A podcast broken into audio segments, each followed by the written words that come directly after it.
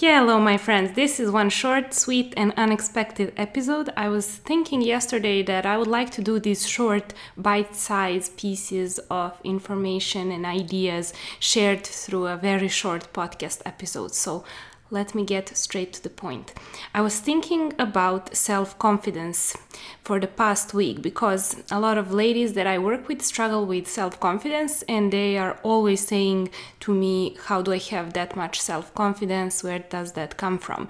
And my belief is that self confidence comes from me failing and doing things that are not perfect, that done is better than perfect and that by failing, I just make my muscle of self confidence grow and I make myself feel good about trusting in myself that I'm still worth it even if I fail because as both you and me are as person you are just worth it because you are here and you don't have to prove anything to anyone. You are not your job you're not your resume you're not your passport. So you just get to be who you are. And i am a person who loves to learn and to learn something you need to fail a lot. So eh, when i was a child and learning how to ski. My dad is an avid skier and very passionate. He was a competitive skier uh, like ages ago, but he wanted us to learn how to ski when we were really young. So, four years old, and my brother, who was a baby with me, uh, he was watching me uh, learn how to ski. And I was on this training on Kopaonika mountain in Serbia for five days with a skiing instructor and that was in the morning and in the afternoon i would go and practice with my dad.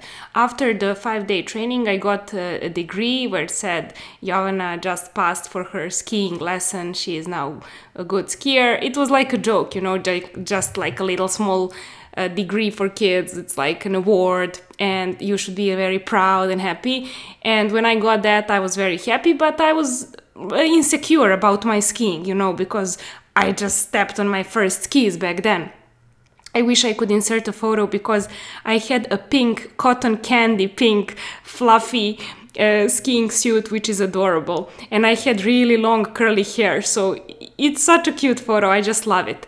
And at the end of the fifth day, my dad said, Okay, now you're ready. We are going now for some real skiing. And I said, Okay, dad, but I'm not really good at this. He's like, Oh, yeah, I know. I mean, you just started five days ago. It's fine. You don't have to be good at it. We, you just have to do it. You just have to try it. So we went, uh, that was um, the dark, actually black route on Kopaonik, which is called Gvozdac. It's called, basically in English, it's um, a ski slope which is entirely, almost entirely icy in ice. And I was very scared and I was small. I was like, as I said, four years old. I was really tiny and small like a pink giant fluffy thing on the slope and it was freezing. It was winter obviously. And we were uh, on the slope. We came to the top and my dad said okay now you're here. Now you're ready. Now we're gonna go. And i said no no please. I'm afraid. It's so icy. I'm not sure about this. And he's like it's fine. I know you can do this. Let's just go. There is no time to stay here. It's very cold. We need to start heading down and he said i'm, I'm going down and i sat down and started crying and he looked at me and he said, Jovana, there is no point in crying. Crying won't get you there faster. Just stand up and follow me. And he started going down. And I was freaked out as a kid. I was like, oh my God, is he leaving me here? But my dad obviously knew me well enough to know that that won't stop me because he would return for me if he saw that I'm really scared, paralyzed by fear. He would not leave me there. But this time it was not the case, so he just left. And I started looking at him disappearing down, going down, going down, and me staying on there on the top and crying and sitting on my butt on the snow and I figured, Jovana, you should stop crying now because nobody really cares. He just left, and this crying really won't get you there. You are upset because you are scared and you want him to take you and like bring you down so you don't have to go through this. But he's not gonna do that. You know him well enough. So you should just like stand up and start going as slow as you can. If he believes in you that you can go there, you can do it. Just start And I don't know, it took like a little self talk and pep talk. And after probably a few minutes, I stand up and I start going down and I went down safely. It took me half an hour for probably something which it usually takes five minutes if you're an adult or if you're a kid who knows how to ski better than me back then.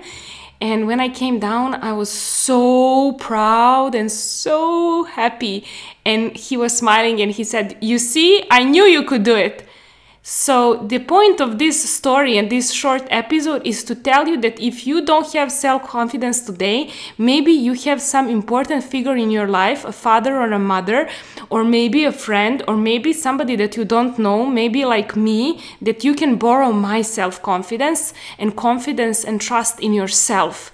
Because even if I don't know you and if you want to reach out via email, I can support you. I will support you and I will tell you straight up in your face do I think if you, it's about business obviously, do I think your idea is shit or legit? What could you improve and what would I do if I were you? And I will support you on your entrepreneurial endeavor even if you have zero support in your life.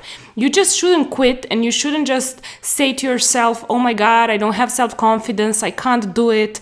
And you should just find somebody who believes in you or who believes in themselves so much that you can borrow some of that confidence and some of that fearlessness and bravery of somebody else and try to implement it in your life.